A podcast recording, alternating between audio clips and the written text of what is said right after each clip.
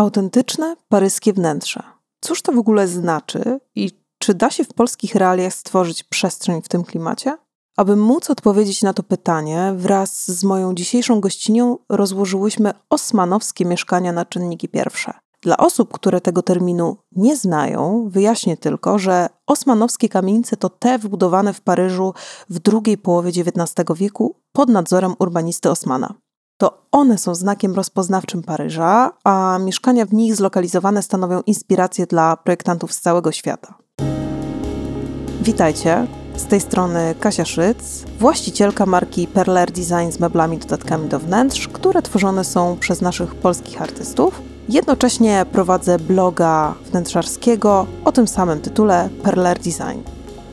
Na temat paryskich wnętrz rozmawiać dziś będę z projektantką wnętrz Olą Jachymiak, która na co dzień urządza wnętrza właśnie osmanowskich kamienic.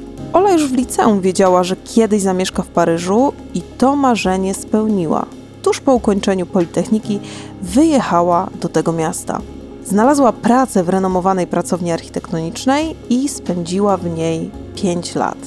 Po tym czasie miłość przeniosła ją do Londynu i właśnie w tym mieście otworzyła własną pracownię. Nie zapomniała jednak o Paryżu. Tydzień w tydzień kursuje między tymi dwoma europejskimi stolicami, urządzając wnętrza w obu z nich. Jeżeli tak jak ja kochacie paryskie wnętrza i chcielibyście przenieść je do polskich przestrzeni, ten odcinek jest dla Was. Zapraszam do rozmowy z Olą Jachymiak.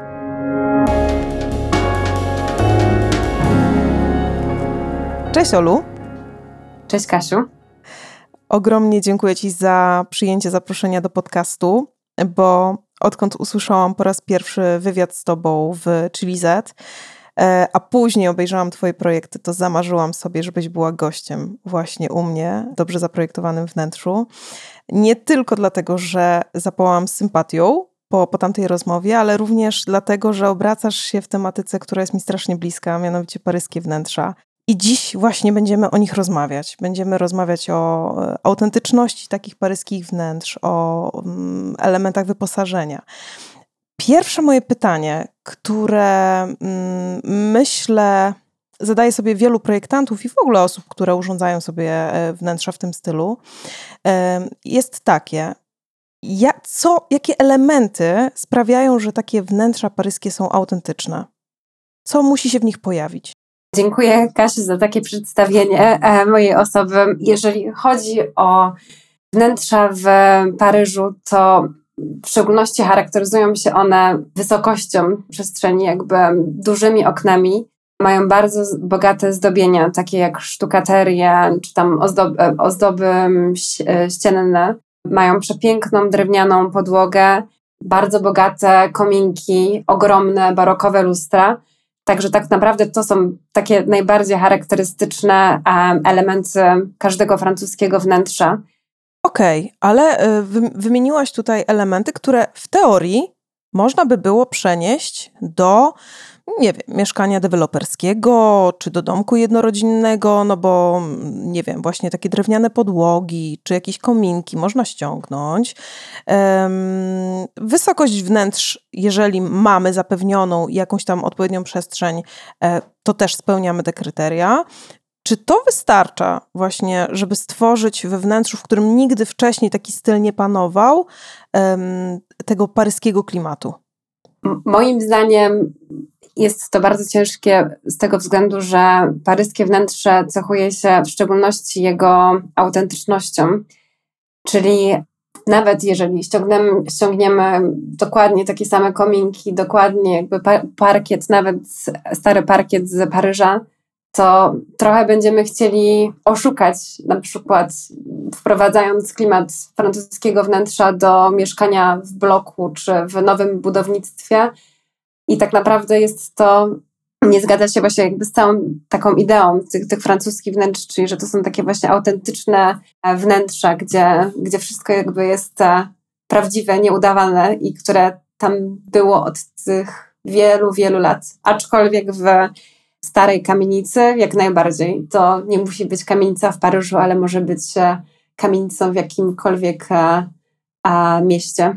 Mhm. I widzisz tam um, możliwość ściągnięcia właśnie jakichś poszczególnych elementów, no bo dobrze, zastajemy kamienicę, um, ale z, ze zniszczoną posadzką, um, z wybrakowanymi sztukateriami, albo w ogóle brakiem takich sztukaterii, bo w polskich e, mieszkaniach często to znika z czasem.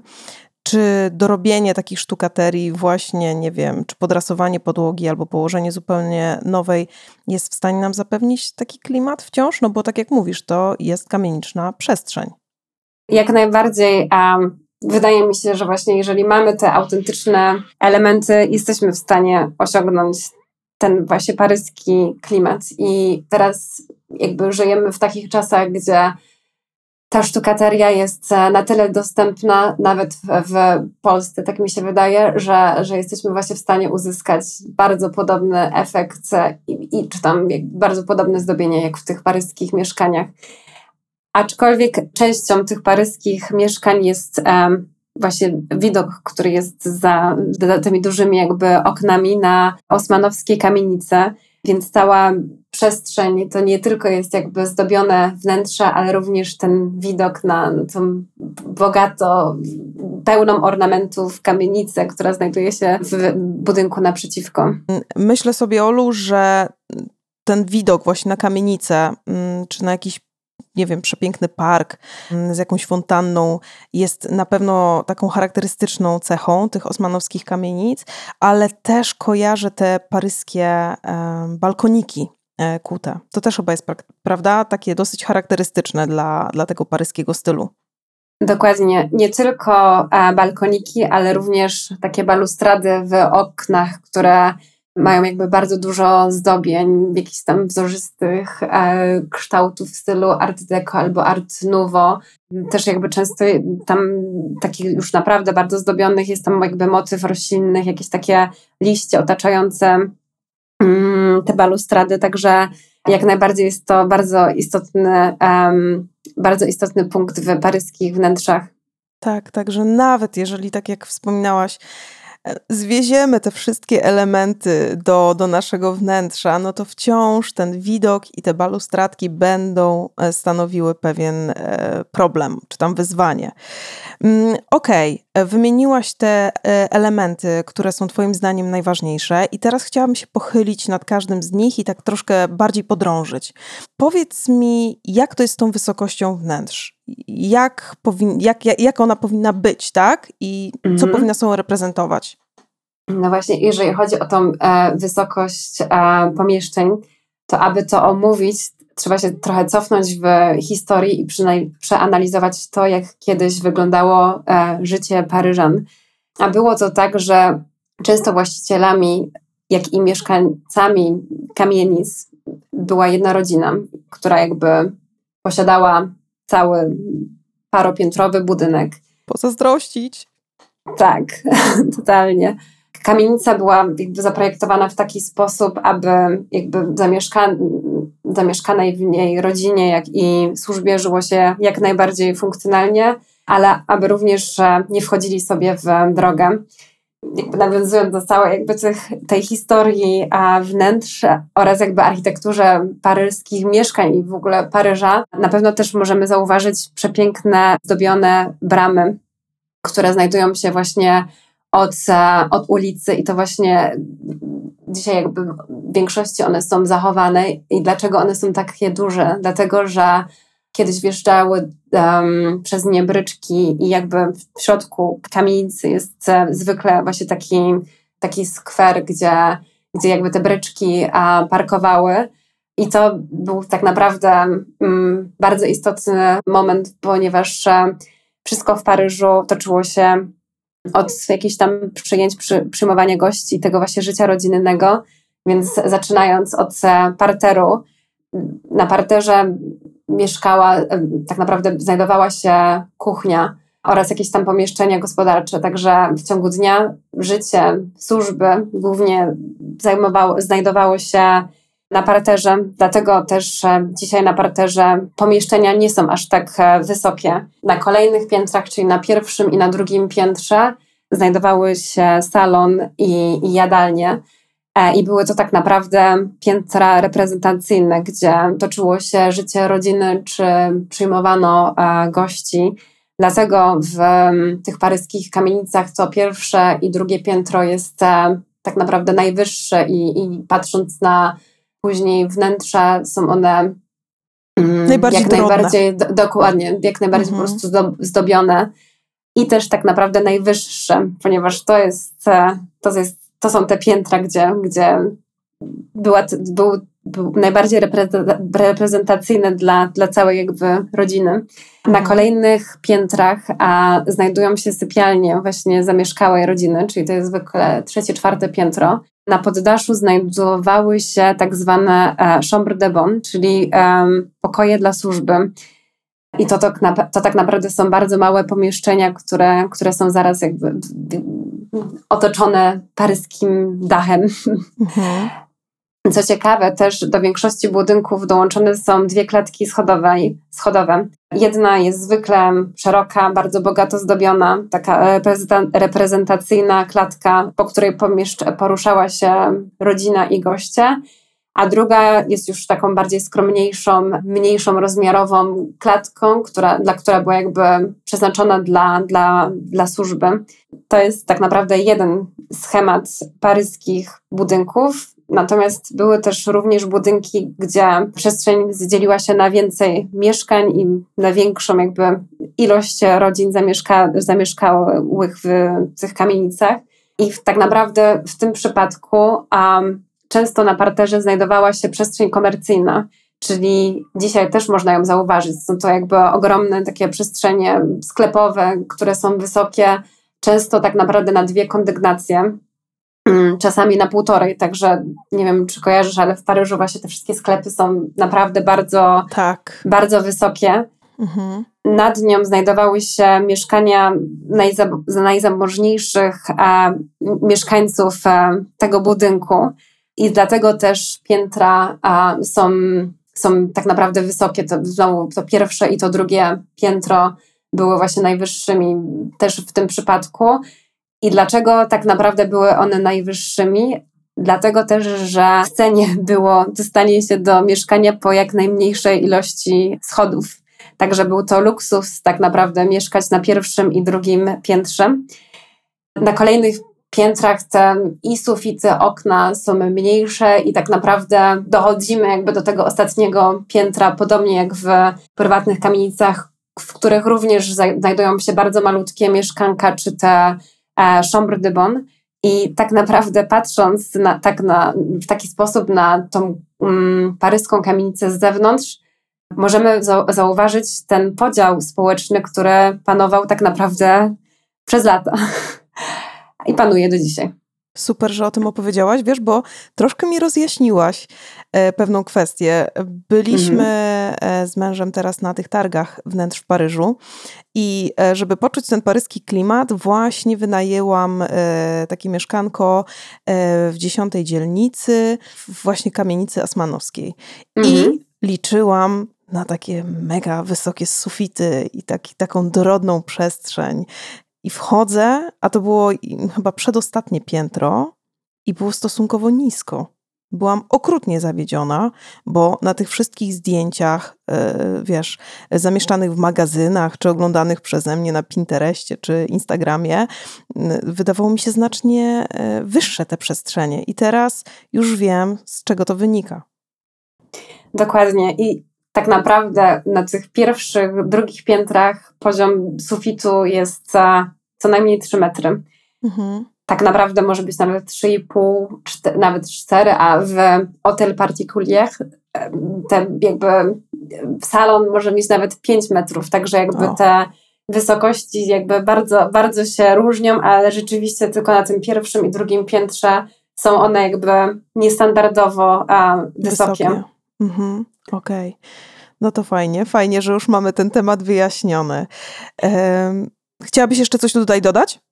Tak, jeszcze tylko chciałam powiedzieć, że jakby nawiązując i do tych wysokości, i, i do, do, do, do wysokości jakby pomieszczeń, też bardzo istotne są okna, czyli jakby kolejny punkt, który jest tak naprawdę kluczem do przepięknego paryskiego mieszkania. I tak naprawdę im większe i wyższe okno w, par w paryskiej kamienicy, tym jakby taki efekt tego właśnie francuskiego wnętrza jest, e, jest Większy. e, większy. Mhm. I co jest ciekawe, w Paryżu przez to, że budowa bu budowano budynki bardzo blisko siebie, przestrzeń między, em, jakby ilość naturalnego światła jest e, bardzo mała, więc e, dzisiaj, jeżeli chodzi o poszukiwanie mieszkań w Paryżu, jest bardzo istotne, aby znaleźć mieszkanie, które ma wysoki sufit i dużą ilość światła. Jest to naprawdę ciężkie. Okej. Na pewno swoje kosztuje. Dokładnie. Niewątpliwie. Te Dokładnie. okna, tak, te okna jeszcze y, kojarzą mi się z takimi, one są specyficzne, one mają jakiś taki pręcik idący przez całą długość, y, prawda? Y, Okna, nie wiem jak to się Dokładnie. profesjonalnie nazywa. Szprosy. Mhm.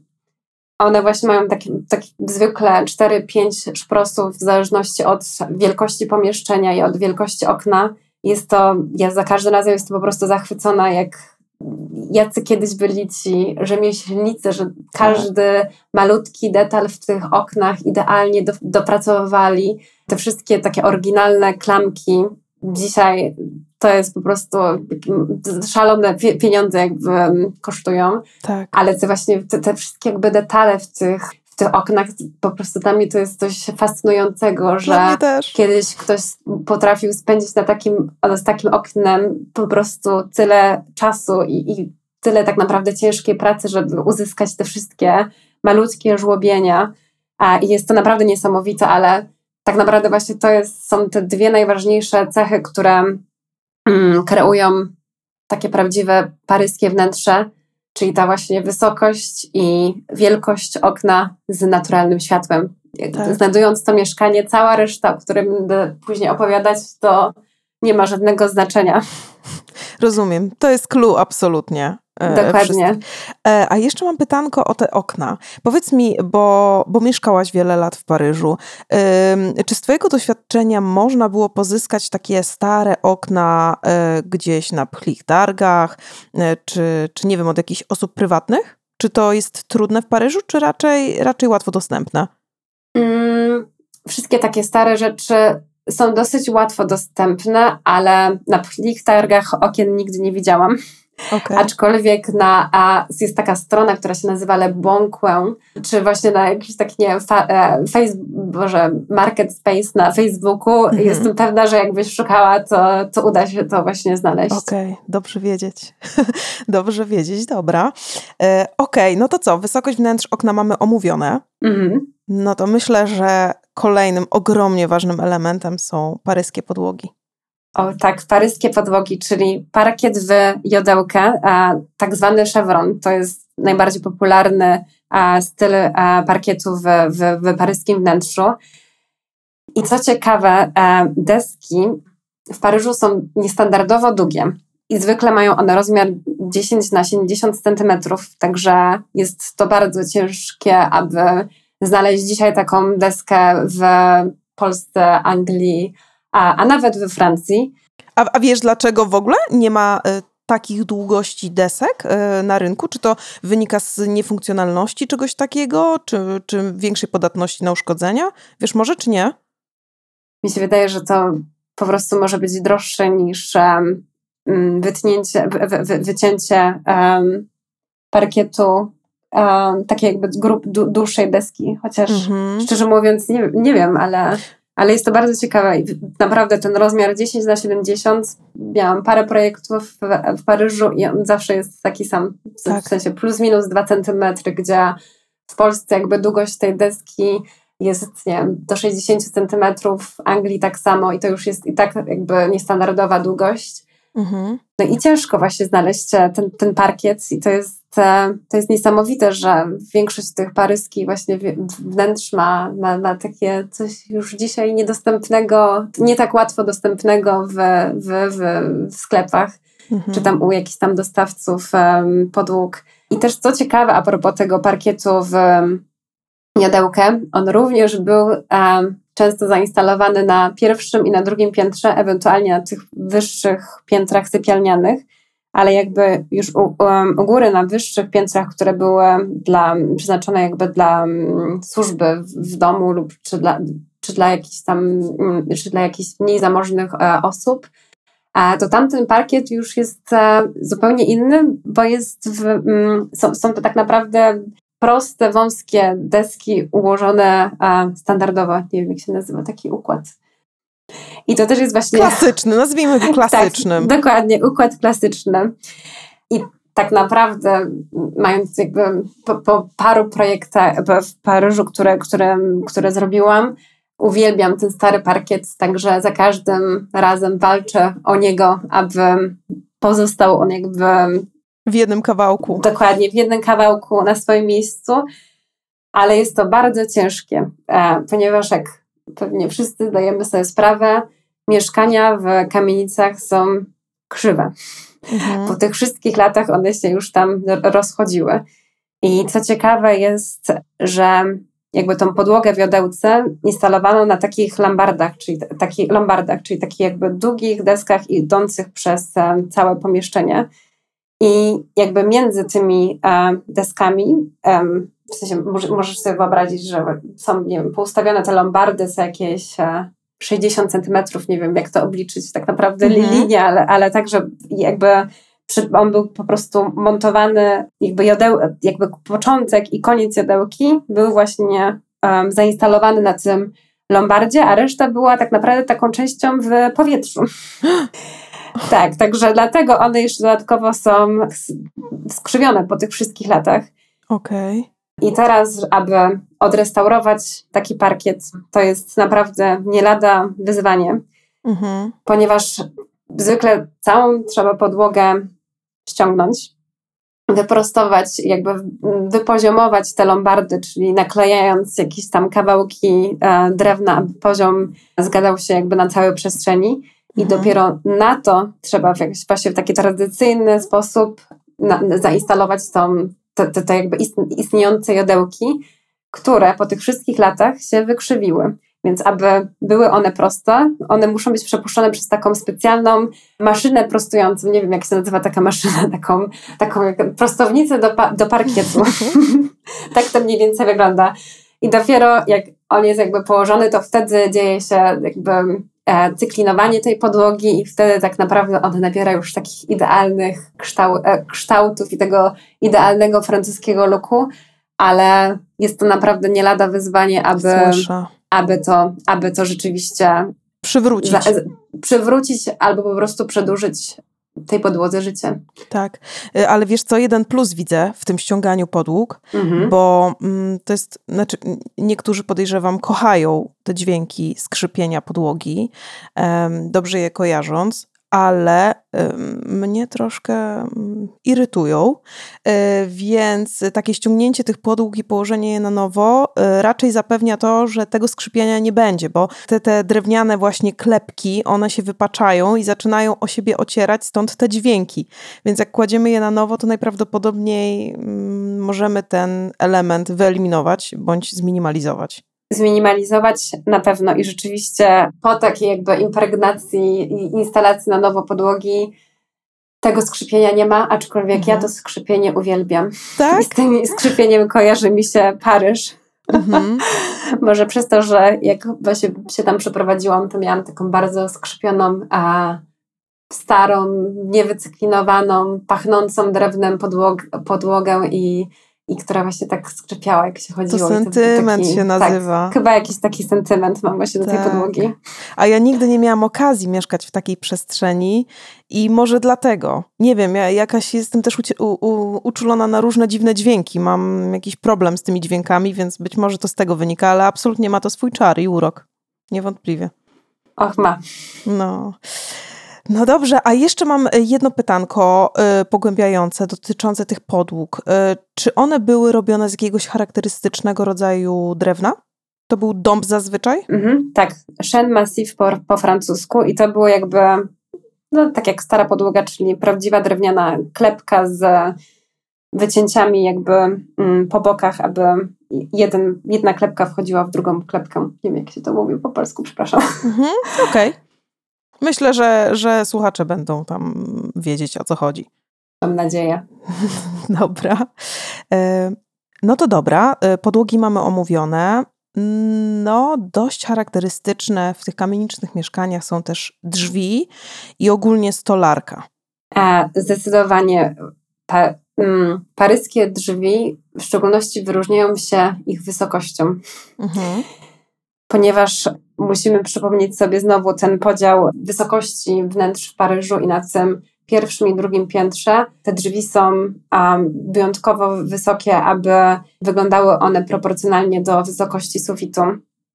I zwykle takie drzwi na tych najbardziej reprezentacyjnych piętrach mają wysokość 2,30, 2,50, 2,80 w zależności od wysokości sufitu i tak naprawdę te ogromne drzwi to jest coś niesamowitego w tych a, mieszkaniach paryskich.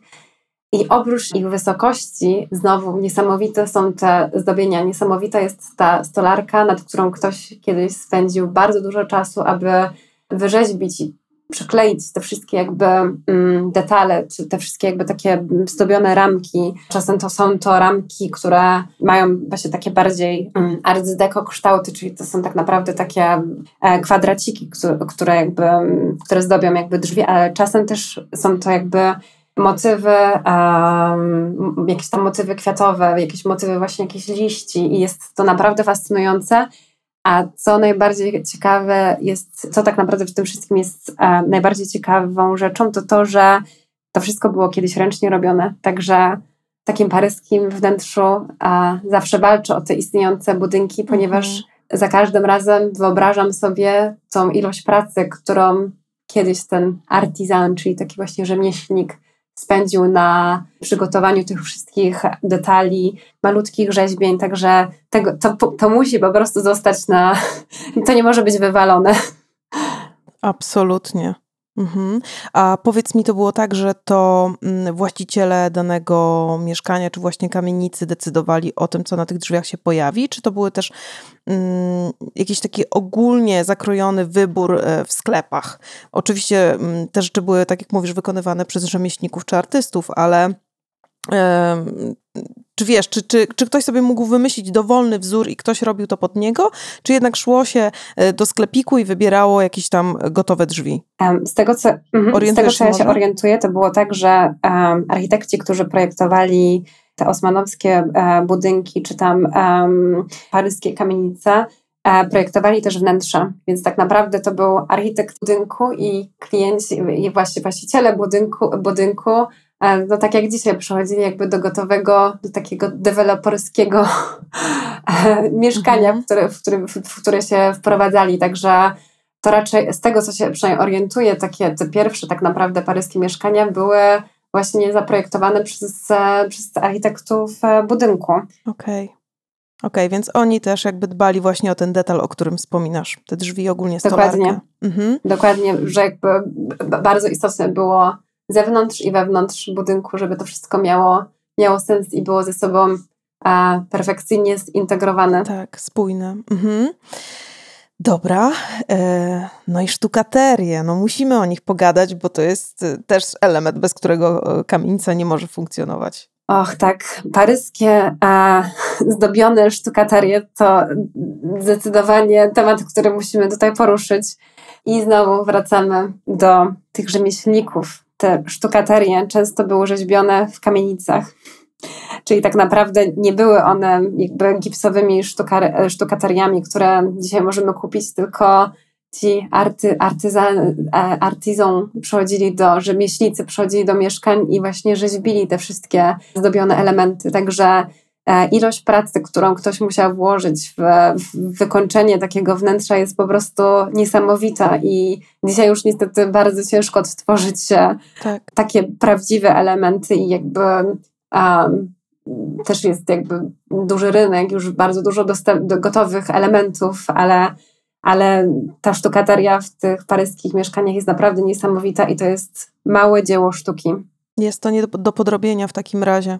Dokładnie. I co ciekawe, tak naprawdę w niektórych mieszkaniach w Paryżu to nie jest tylko taka listwa, która, ta sztukateria, która idzie tylko przez ścianie, tylko ta sztukateria to jest właśnie jak taka przestronna rzeźba, która zajmuje często cały sufit, ponieważ Często na pewno kojarzysz, jak w środku paryskich mieszkań robi się takie zdobione okręgi na środku sufitu. Mhm. To jakieś e, tak naprawdę właśnie bardzo, bardzo duża ilość z, zdobień. To jest coś naprawdę fascynującego.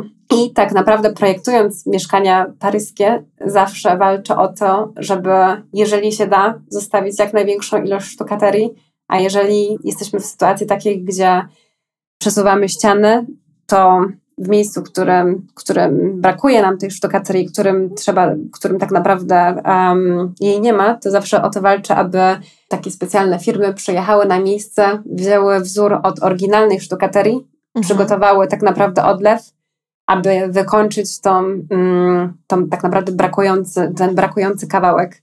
Mhm. Żeby go odwzorować. Dokładnie. O, piękne, wiesz co? Mm, Właśnie tak przypomniało mi się pytanie jednej z moich obserwatorek, e, kiedy zapowiadałam e, rozmowę z tobą. Bardzo interesowało ją to, czy Paryżanie e, i w ogóle Francuzi mają podobne podejście do Polaków, czyli takie, wiesz, wszystko wymuskane, wycacane, ściana idealnie gładka, ta sztukateria idealnie, wiesz, dopracowana i powtarzalna, ale z tego, co mówisz, to jeżeli taki rzemieślnik czy właśnie artysta mm, tworzył coś takiego na żywca, w cudzysłowie, to nie, mo- nie mogło być idealne, nieskazitelne i, i e, idealnie symetryczne, nie? To, to jest jednak ludzka ręka, tam po prostu musiały być jakieś odstępstwa. Są, ale bardzo mało widoczne, ale Mhm. prawda, prawda jest taka, że Francuzi nie mają takiej obsesji na punkcie perfekcyjnych wykończeń jak, em, Jak jak, jak my Polacy. Mhm. Z tego względu, że perfekcyjne wykończenie to nie, nie, jest, autenty, nie jest autentyczne, ponieważ przestrzeń się używa i mieszkanie jest po to, aby w nim mieszkać, więc wszystko tak naprawdę po latach nabiera, em, nabiera tak naprawdę charakteru i to tak naprawdę najbardziej doceniają mm, Francuzi. W większości ludziom nie przeszkadzają, jeżeli coś e, jest nieperfekcyjne, jeżeli podłoga nie jest idealnie prosta, czy skrzypi. Oni z tym żyją i oni cieszą się i mają tak naprawdę przepiękne przestrzenie właśnie przez to, że one są takie unikalne, bo Mhm.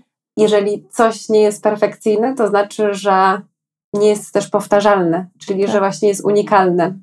To widzisz, to jest moja zasada. Ja też e, tworząc e, swoje projekty meblarskie właśnie tak do tego podchodzę. Strasznie nie lubię takiej powtarzalności maszynowej. Też lubię jakieś takie odstępstwa i taką unikalność, także fajnie. Jeszcze mi bliżej do tych Francuzów. No dokładnie, to jest naprawdę pe- perfekcja, perfekcyjność nie istnieje. Można do niej dążyć, Mhm. ale nie ma, nie, Nie osiągniemy jej po prostu. dokładnie nie Mhm. osiągniemy. I Tak. dla jednych coś, co dla nas może być perfekcyjne, może być jednak nieperfekcyjnie, może być zrobione jeszcze lepiej. Także, Tak.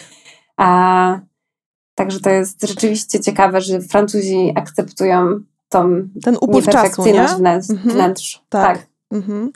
A wiesz co? Y, Gdybyś miała dać radę komuś w Polsce, kto właśnie, nie wiem, wykańcza kamienicę, w której zamieszka y, i marzą mu się takie piękne sztukaterie, no, myślę, że zatrudnienie kogoś, kto będzie rzeźbił na żywca, no, jest chyba pomysłem zbyt kosztownym w dzisiejszych czasach, ale co ty byś rekomendowała, żeby tak troszkę przenieść to paryskie e, wnętrze właśnie e, sztukateryjne? Dokładnie, więc to jest też bardzo istotne, że to wszystkie sztukateria sufitowa musi być zrobiona z gipsu, Mhm. bo gips to jest też taki materiał, który w pewnym momencie widać tą jego nawet taką nieperf- nieperfekcyjność, a zauważyłam, że często w Anglii, czy, czy też e, rozmawiałam z moimi znajomymi architektami w Polsce, tworzy się sztukaterię z plastiku, z tego materiału, który się nazywa po, po, poli... Ja już powiem ci, nie będę łamać sobie tego języka, bo już miałam w jednym podcaście i ja się poddałam, powiem ci szczerze. Tak, więc powiedzmy, plasty, plastikowa, przepraszam, sztukateria, to po prostu moim zdaniem nie działa, bo to jest znowu takie kła, kła, e, kłamstwo. I Mhm. okej, większość, mm, bardzo mało ludzi może sobie pozwolić na zatrudnienie artysty, który wyrzeźbi coś na suficie, ale jak już chcemy tą sztukaterię, to miejmy tą sztukaterię z gipsu. Jak chcemy listewki na ścianach, zróbmy je gipsowe albo właśnie drewniane. Tak samo listwy podłogowe to też wszystko musi być zrobione z drewna, a nie z jakiegoś plastiku. Także apeluję, tak. używajmy prawdziwych e, materiałów, autentycznych tak. materiałów. Zgadzam się i tutaj mogę taką podpowiedź od siebie dać, że mam świadomość tego, jak drogie są odlewy y, gipsowe u, u jakichś rzemieślników, ale możemy sobie stworzyć wzór, wylać go, że tak powiem, w odpowiedniej masie e, silikonowej i samemu babrać się, że tak powiem, w gipsie. To się da zrobić. To nie jest y, jakiś rocket science, także myślę, że spokojnie można to zrobić samodzielnie, jeżeli nie mamy na to budżetu, a bardzo o tym marzymy. Tak, aczkolwiek e, sztukaterie w Polsce, nawet w Polsce, e, są mhm. również bardzo zdo, bogato zdobione, więc jeżeli nie mamy, nie mamy tej sztukaterii, a chcemy ją właśnie mieć we wnętrzu, to jestem pewna, że jest wielu jakby dostawców w Polsce sztukaterii, która jest w stanie po prostu, który ma bardzo duży wybór różnych wzorów, które na pewno ktoś będzie w stanie dopasować do swojego wnętrza i sprawić, że one będzie wyjątkowe. Tak. Och, troszkę pogadałyśmy o tych sztukateriach. Eee, no to kolejny punkcik na mojej liście. Amfiladowy układ pomieszczeń, czyli te nasze no, często znienawidzone przechodnie pokoje. Dokładnie. I teraz po raz kolejny wracamy do tej historii wnętrz paryskich, dlaczego mamy te drzwi jakby w różnych pokojach na tej samej e, linii, co, czym ja osobiście jestem e, zachwycona, ale w paryskich mieszkaniach wyglądało to tak, że wchodząc do, do tego, do tej części reprezentacyjnej, było takie e, entrée, czyli, czyli tak naprawdę taki korytarz powitalny, a następnie na, na tym na przykład jednym piętrze był, a, była część salonowa. I to nie było tak, że był tam jeden salon, tylko tak naprawdę było tam więcej saloników. Hmm. Czyli tak naprawdę był jeden, nie wiem, duży salon z kanapą a, i właśnie taką przestrzenią do siedzenia. A kolejny pokoi, gdzie ktoś grał na harfie. Kolejny pokoi, gdzie była ta biblioteka. Także ludzie przemieszczając się tym właśnie amfiladowym e, układem pomieszczeń, przechodzili sobie między tymi małymi salonikami. I dlatego dzisiaj właśnie są te, te moim zdaniem świetnie zaprojektowane architektonicznie układy pomieszczeń, gdzie, gdzie wszystko jest na tej idealnej linii i owszem są to pokoje mm, przejściowe, ale jeżeli nie chcemy ich w dzisiejszych czasach uży, e, używać, to możemy tak naprawdę je zamknąć na klucz z tej jednej strony i przechodzić z innej. Okej. Okay. A powiedz mi, no bo zamkniemy na klucz i zazwyczaj tam jest właśnie mm, przejście od tego holu, o którym wspominałaś, tak? tak? tak nie, tak. nie powtórzę tego po mhm. francusku, nawet nie będę łamać języka. e, Okej. Okay. E, a co powiedz mi w sytuacji, w której ktoś zupełnie chciałby tą przestrzeń przeorganizować. Jakie Francuzi mają do tego podejście i w ogóle architekci pracujący e, we Francji czy właśnie w Paryżu? Czy, czy zmieniacie czasem, e, rozburzacie te ściany, przestawiacie te ścianki? Jak najbardziej, ponieważ dzisiaj jakby um, funkcje ty, tych budynków są zupełnie inne jak w tamtych czasach, o których wspominałam na samym początku. Tak. Jednak rzadko się zdarza, że jedna rodzina posiada całą kamienicę, w której jakby mieszka z dziećmi. Także no, trzeba to dostosować do, do dzisiejszych tak naprawdę potrzeb aktualnych właścicieli. Więc um, ja w większości projektów um, likwiduję ściany. O. Z tego względu, aby właśnie dostosować ten nowy układ do, do potrzeb um, moich klientów, e, którzy będą mieszkali w, w, tym mieszkaniu. Także, także często, często właśnie te, te ściany są usuwane. Okej, okay, zmieniasz po prostu układ funkcjonalny Dokładnie. Tak, takiej przestrzeni. Dokładnie. Mhm. A powiedz mi, czy w paryskich y, przestrzeniach jest strefa nocna i dzienna? Jest jakiś taki wyraźny podział? Jak najbardziej. To jest bardzo istotne dla w ogóle nie tylko Paryżan, ale wszystkich Francuzów. Nawet e, e budując e, bloki, ludzie zachowywali ten podział na strefę nocną i strefę dzienną. I zwykle, jeżeli chodzi, wracając do tych paryskich kamienic, to w części jakby od strony ulicy znajdowała się część dzienna, a od strony patio znajdowała się część nocna. I było to, jest to jakby spowodowane przede wszystkim chęcią zachowania prywatności, spokoju, ciszy e, od tej właśnie strony patio i tak naprawdę tej właśnie ta część reprezentacyjna była zwykle właśnie od strony ulicy, gdzie ten hałas e, nie przeszkadzał. No widzisz, szkoda, że w dzisiejszym budownictwie rzadko dba się o takie szczegóły, nie? W Polsce może, poczucie... ale we Francji tak. wiele... Wciąż się o to dba. We Francji, w mhm. Anglii bardzo się o to dba. No to super. W Polsce niestety niekoniecznie. Przynajmniej nie we wszystkich inwestycjach. O, w ten sposób. Dobra. A powiedz mi, co zrobić, bo wspominałaś o tym, że ta wysokość, ale też przestrzeń jest bardzo istotna, nie? Bo jak mówiłaś w kontekście tych salonów, one były bardzo dorodne, duże, ale na przykład zakupiliśmy mieszkanie w kamienicy, e, które już jest po podziale jakiegoś, e, jakiejś większej przestrzeni, no i jest stosunkowo niewielkie. Powiedz, czy my, jak możemy sprawić, aby tę przestrzeń optycznie powiększyć? Przed naszą rozmową wspominałaś o projektowaniu zgodnym z liniami okien i drzwi. Czy mogłabyś właśnie ten temat rozwinąć? Mm, tak, to jest taka e, rzecz, której nauczyłam się właśnie e, pracując e, i projektując wnętrza w, w, Paryżu, czyli właśnie to projektowanie na, zgodnie z linią okien. Moim zdaniem jest to klucz do stworzenia optycznie powiększonego mieszkania i też tak naprawdę zgodnego z jakąś tam harmonią proporcji i, i dobrym e, feng shui, moim zdaniem, we, we wnętrzu. Można to zrobić tak naprawdę mając e, przestrzeń, gdzie po dwóch stronach jakby mieszkania znajdują się mm, przeciwległe okna.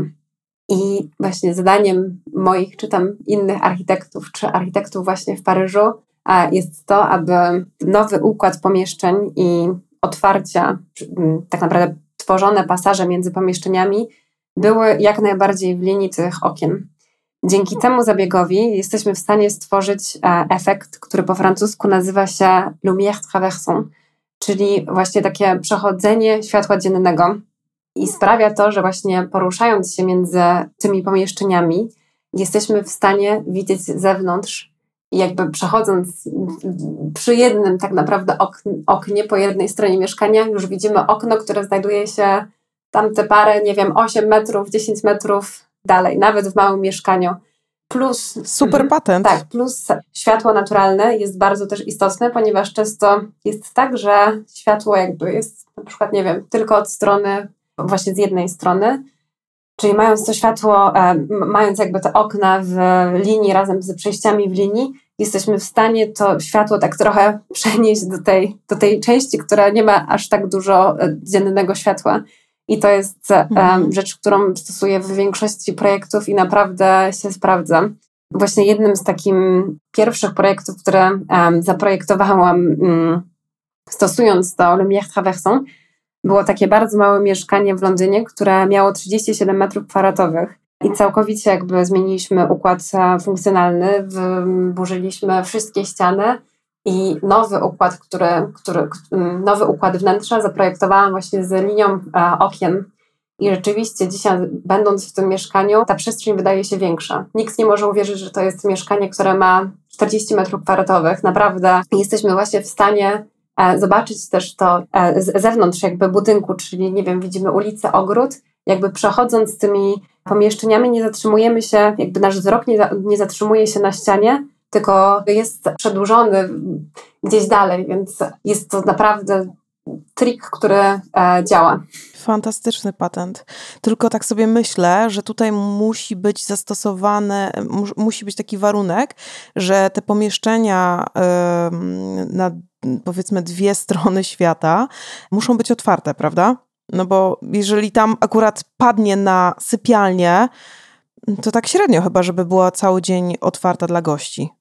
Jak myślisz? Mm, myślę, że to nawet nie dla gości, ale bardziej nawet dla siebie, bo prawdą jest taka, że, prawda jest taka, że nie, nie mamy gości zwykle przez cały dzień, ale nawet dla naszego jakby zwykłego użytkowania ja nie mam z tym problemu, aby drzwi w ciągu dnia były jakby otwarte, a to właśnie przechodzące światło zmienia całkowite jakby poczucie przestrzeni. Mhm. Nie no, fantastyczny patent. Bardzo Ci za niego dziękuję. Myślę, że wielu architektów, którzy nas słuchają, też mogą e, na tym coś uczknąć. Super. Myślę, że, że te główne takie motywy, elementy charakterystyczne dla tego stylu e, mamy omówione. Mam tu na, na, myśli takie stałe elementy, taką tkankę mhm. e, danej przestrzeni. Chyba, że jeszcze chciałabyś coś tutaj dodać. Czy myślisz, że już temat mamy zamknięty? Mm, tak, już mamy zamknięty. Dobra, e, to kiedy już poopowiadałaś nam o tkance miejsca, o tych takich elementach stałych, podstawowych, to chciałabym z Tobą omówić jeszcze temat wyposażenia, bo uważam, że meble, dodatki, e, sztuka ma ogromny wpływ na, na, te, na to ostateczne wnętrze i ten efekt wow. Jak najbardziej zgadzam się z tym, aczkolwiek z mojej obserwacji paryskich wnętrz uważam, że nawet już, już mm, kiedy mamy jakby te drewniane um, listewki, sztukaterie, wysokie um, sufity, drzwi, drewnianą podłogę, jakiekolwiek dodatki, których użyjemy, nie mają aż tak dużego znaczenia. Meble w mm -hmm. tych paryskich mieszkaniach nie są aż tak istotne. O proszę. Zaskoczyłaś mnie, naprawdę. Czyli ta baza to jest absolutny klucz i on jakby tworzy wnętrze. Dokładnie. Też jakby absolutnym mhm. kluczem w paryskich mieszkaniach jest ta autentyczność materiałów, o których wcześniej mówiłyśmy. Czyli, że oni nic, nie, mhm. że oni nie będą kupowali sobie, nie kupią sobie um, stoliku, który udaje marmur, albo nie zrobią w kuchni a, kwarcowego a, e, blatu, tylko jak ma być blat kamienny, to będzie on zrobiony z prawdziwego kamienia. Tak samo jeżeli chodzi o meble na wymiar, we Francji to jest, jest to też bardzo ciekawe. Francuzi chcą mieć piękną formę, piękną proporcję mebli, ale jeżeli chodzi o ich wy wykończenie, to często malują meble na wymiar farbami do drewna na miejscu o. pędzlem. I też jest mhm. to bardzo ciekawe, bo mm, tak naprawdę te meble przez to są w tych wnętrzach przez 50-60 lat niezmieniane, ponieważ one są jakby ścisłą częścią mm, całego mieszkania i tworzą jakby razem z tymi dodatkami, z całą tą otoczką tych bogatych zdobień całość. I to jest naprawdę bardzo ciekawa rzecz, którą ja na przykład po mojej przeprowadzce do Paryża byłam zdziwiona, jak ktoś może nie mieć lakierowanych e, mebli, czy to jest, jak wygląda właśnie luksus według e, Francuzów, gdzie rzeczywiście meble, nad którymi, które jakby projektowaliśmy, były po prostu ręcznie malowane na miejscu i najważniejsza była właśnie ta proporcja, ta wysokość między półkami, jakby podział półek, jeżeli chodzi o, jeżeli mówię teraz o jakiejś bibliotece i, i ja byłam tym zafascynowana. Mhm. A jak to jest z kuchniami? E, kuchnie są robione na wymiar, ale też mm, mhm. we Francji właśnie bardzo ludzie często szukają takiego balansu, więc nawet zamożniejsi ludzie robią często kuchnię z Ikei, a tak naprawdę tylko z fronty są wykonane u stolarza. Także są też jakby różne firmy, które są podobne jakby do Ikei, które specjalizują się w, w właśnie w, w, w robieniu mebli e, kuchennych ale Francuzi nie zwracają aż tak bardzo na, na to uwagi. Okej, okay. w Polsce to też jest dosyć popularne, chyba coraz bardziej popularne, właśnie, że e, jakby ca cały szkielet kupuje się w Ikei, a resztę się dobiera już w firmach, które się specjalizują właśnie, nie wiem, bardziej sztukateryjnych, czy, czy bardziej zdobionych elementach. Także w Polsce to też jest już powszechne przyszły też do nas czasy, kiedy jakby si e, siła robocza, praca stolarzy, budowlańców jest tak kosztowna, że czas, który mm, ktoś poświęci na zmontowanie mebli, czy właśnie wycięcie ich, opracowanie na wymiar jest e, no, o wiele bardziej, o wiele droższe niż, niż właśnie meble z, z Ikei. Okej. Okay. A powiedz mi jeszcze w kontekście mebli, e, już tak na sam koniec, e, czy Francuzi wolą mieć meble, czy właśnie dodatki robione ręcznie, czy mm, akurat tutaj nie przykładają do tego jakiejś dużej wagi? Jak najbardziej. Wszystko, wszystko, co jest robione ręcznie, ma jakby ogromne znaczenie dla Francuzów. Mhm. Aczkolwiek bardzo wielu moich klientów we Francji, jakich miałam, fascynuje się e, elementami vintage Więc oni nie chcą mieć takiego właśnie wygłaskanego, perfekcyjnego mieszkania z tego względu, że właśnie ta sztukateria, te parkiety, one już będą idealne, więc tak naprawdę te meble, które tam e, trafią, e, w, dokładnie trafią, które tam zostaną wybrane, niekoniecznie muszą być takie perfekcyjne, takie dogłaskane, także oni tak naprawdę bardzo często kupują jakieś e, vintage lampy. Jeżeli chodzi o jakiś taki e, styl w ogóle tych elementów, to często jest to właśnie taki eklektyzm. Mhm. Czyli tak naprawdę mając już tą, tą bazę całego wnętrza, jakby wybór dodatków jest e, dosyć oryginalny. Oni też bardzo lubią wprowadzić na przykład takie industrialne um, e, lampy, które tak naprawdę um, kojarzą się z jakimiś tam halami, czy tam właśnie jakieś takie metalowe kinkiety, które też kiedyś e, dla mnie przynajmniej um, kojarzyły się z takim stylem um, industrialnym, a, a, nie, mm, a nie francuskim, mm, paryskim. Także, mhm. także jest to bardzo ciekawe.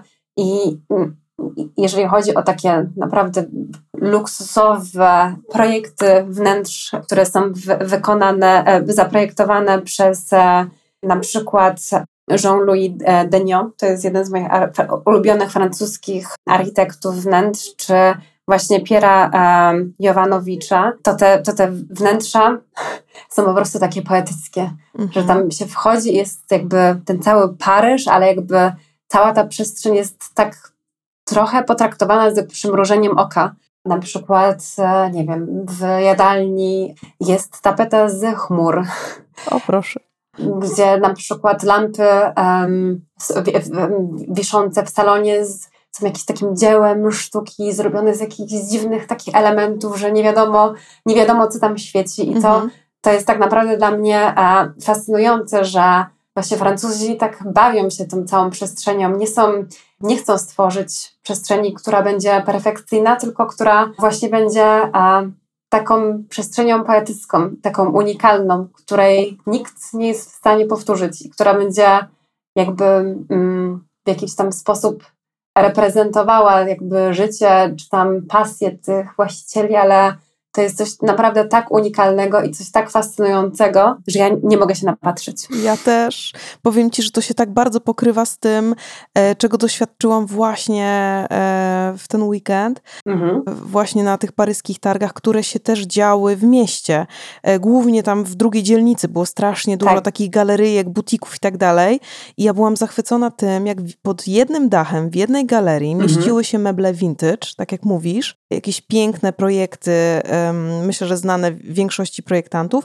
I obok tego stały rzeczy tworzone przez rzemieślników, przez artystów, właśnie takie nieidealne. I to jest dokładnie to, o czym mówisz, czyli gdzieś połączenie i vintage'u, i ręcznie robionego, i lekko odjechanego, i takiego totalnie, wiesz, innej bajki. No, to, to, jest, to jest piękne i absolutnie wyjątkowe jeszcze ja, ja przynajmniej jestem zafascynowana takimi wnętrzami, gdzie są one właśnie, um, gdzie meble to są właśnie takie dzieła sztuki i w Paryżu jest wiele galerii, która właśnie sprzedaje takie, mm-hmm. takie naprawdę bardzo wyszukane meble artystów, czy tam architektów wnętrz, czy projektantów mebli, którzy żyli 60 lat temu i i właśnie te ikony tego designu, e, mniej lub bardziej popularne w tych paryskich wnętrzach, wyglądają naprawdę rewelacyjnie.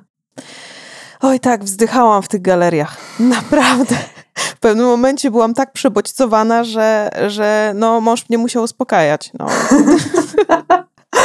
No to jest mój mąż, mój mąż też musi mnie co, co po prostu e, za każdym razem, jak jesteśmy razem w Paryżu, uspokajać, bo te rzeczy są po prostu, to są dzieła sztuki. Tak. To naprawdę jest tak niesamowite, że w ogóle te projekty w takich najfajniejszych, moim zdaniem, wnętrzach, one nie do końca są francuskie. To nie jest tak, że a ludzie chcieliby sobie powtórzyć dzisiaj a, dom a, nie wiem, pałac, w którym mieszkał Napoleon czy Weresal, tak naprawdę w tych e, przestrzeniach dzisiaj właśnie stosuje się takie nowoczesne wnętrza, a odchodzi się od tych wnętrz w stylu Louis XVI, mhm. które tak naprawdę niestety właśnie w Polsce dużo ludzi powtarza albo powtarzało w którymś tam czasie, bo wydawało im się, że to jest właśnie klucz do tych mieszkań mhm. E, francuskich, a to nie, to jest złe, bo takie, takie meble, które rzeczywiście ten Louis tam zaprojektowane na początku jakby XIX wieku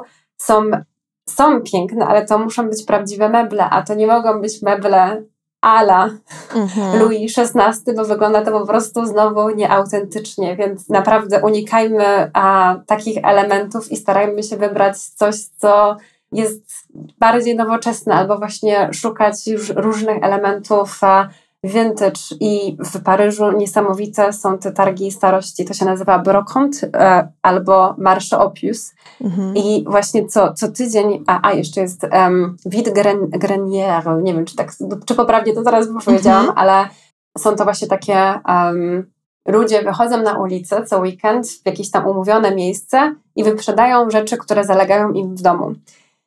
I tak naprawdę teraz bardzo często podróżując do Paryża jestem na tych właśnie wszystkich retro i vintage, ale takich małych targach zorganizowanych przez paryskich mieszkańców czy przez merostwo w, w, we Francji. Jestem tam co weekend, ponieważ tam można znaleźć naprawdę najpiękniejsze perełki. Ale ci zazdroszczę. Nie, nie, są to właśnie, a nie, niekoniecznie są jakieś to designerskie, zaprojektowane przez e, tam znanych designerów meble, ale to jest coś, co można tam naprawdę nabyć elementy, których nie znajdzie się już dzisiaj nigdzie mhm. więcej i, i naprawdę uwielbiam po prostu buszować i szukać czegoś, co, co sprawi, że, że moje projekty będą bardziej unikalne i, i, i mhm. autentyczne i po prostu czegoś, co, co, co będą wyróżniały się na, na przestrzeni jakby innych projektów. Tak. Już na koniec, bo myślę, że to też jest ważne, w tych paryskich wnętrzach chyba jest trochę sztuki, prawda? Jest, jak najbardziej. Aczkolwiek, jeżeli chodzi o sztukę, to Paryżanie bardzo lubią linoryty, co również mnie zdziwiło. Tak naprawdę mm, lubią wszystkie jakby takie postaci, nie wiem, plakaty, czy też nawet e, rysunki moich, z moich ulubionych takich francuskich artystów to jest e, Jean Cocteau, czy uwielbiam po prostu szkice e, Picasso. Oczywiście mm -hmm. to jest coś niedostępnego, ale lin, na, na, linorycy są jeszcze dostępne e, cenowo. Mm -hmm. A oprócz tego właśnie wszystko w takim stylu Miro, czyli właśnie to jest taki, taki trochę taki dziecięcy e, obrazek e, w stylu jakiś tam kubis, e, dobra, może nie Miro, ale właśnie takie trochę kubistyczne formy, coś takiego właśnie przerysowanego, że nie jest to znowu jakiś tam obraz z, z epoki renesansu, tylko e, że jest to coś e, takiego bardziej nowoczesnego, co tworzyli jakby twórcy w dwudziestych latach właśnie w 20 latach zeszłej epoki. Mhm. Okej, okay, czyli ta sztuka też jest ważnym elementem mieszkań francuskich. Jak najbardziej. Mhm. No i tym miłym akcentem udało nam się e, dobrnąć do końca tych moich pytań e, do ciebie. Być może ty masz jeszcze coś, co byś chciała wtrącić? Chyba, chyba zakończyłam ten temat, chociaż szczerze mówiąc mogłabym o tych projektach godzinami. E, i o tych francuskich wnętrzach rozmawiać godzinami mhm. i naprawdę zachwycać się i po prostu rozmawiać o tej magii, o tej właśnie ich poezji. Jestem naprawdę zafascynowana tymi paryskimi wnętrzami i, i chyba nigdzie nie ma tak, tak wyjątkowych przestrzeni jak właśnie w, w paryskich kamienicach. Ola, bardzo podzielam Twój entuzjazm. Uwierz mi, że siedzę z takim gigantycznym uśmiechem tutaj przez całą naszą rozmowę.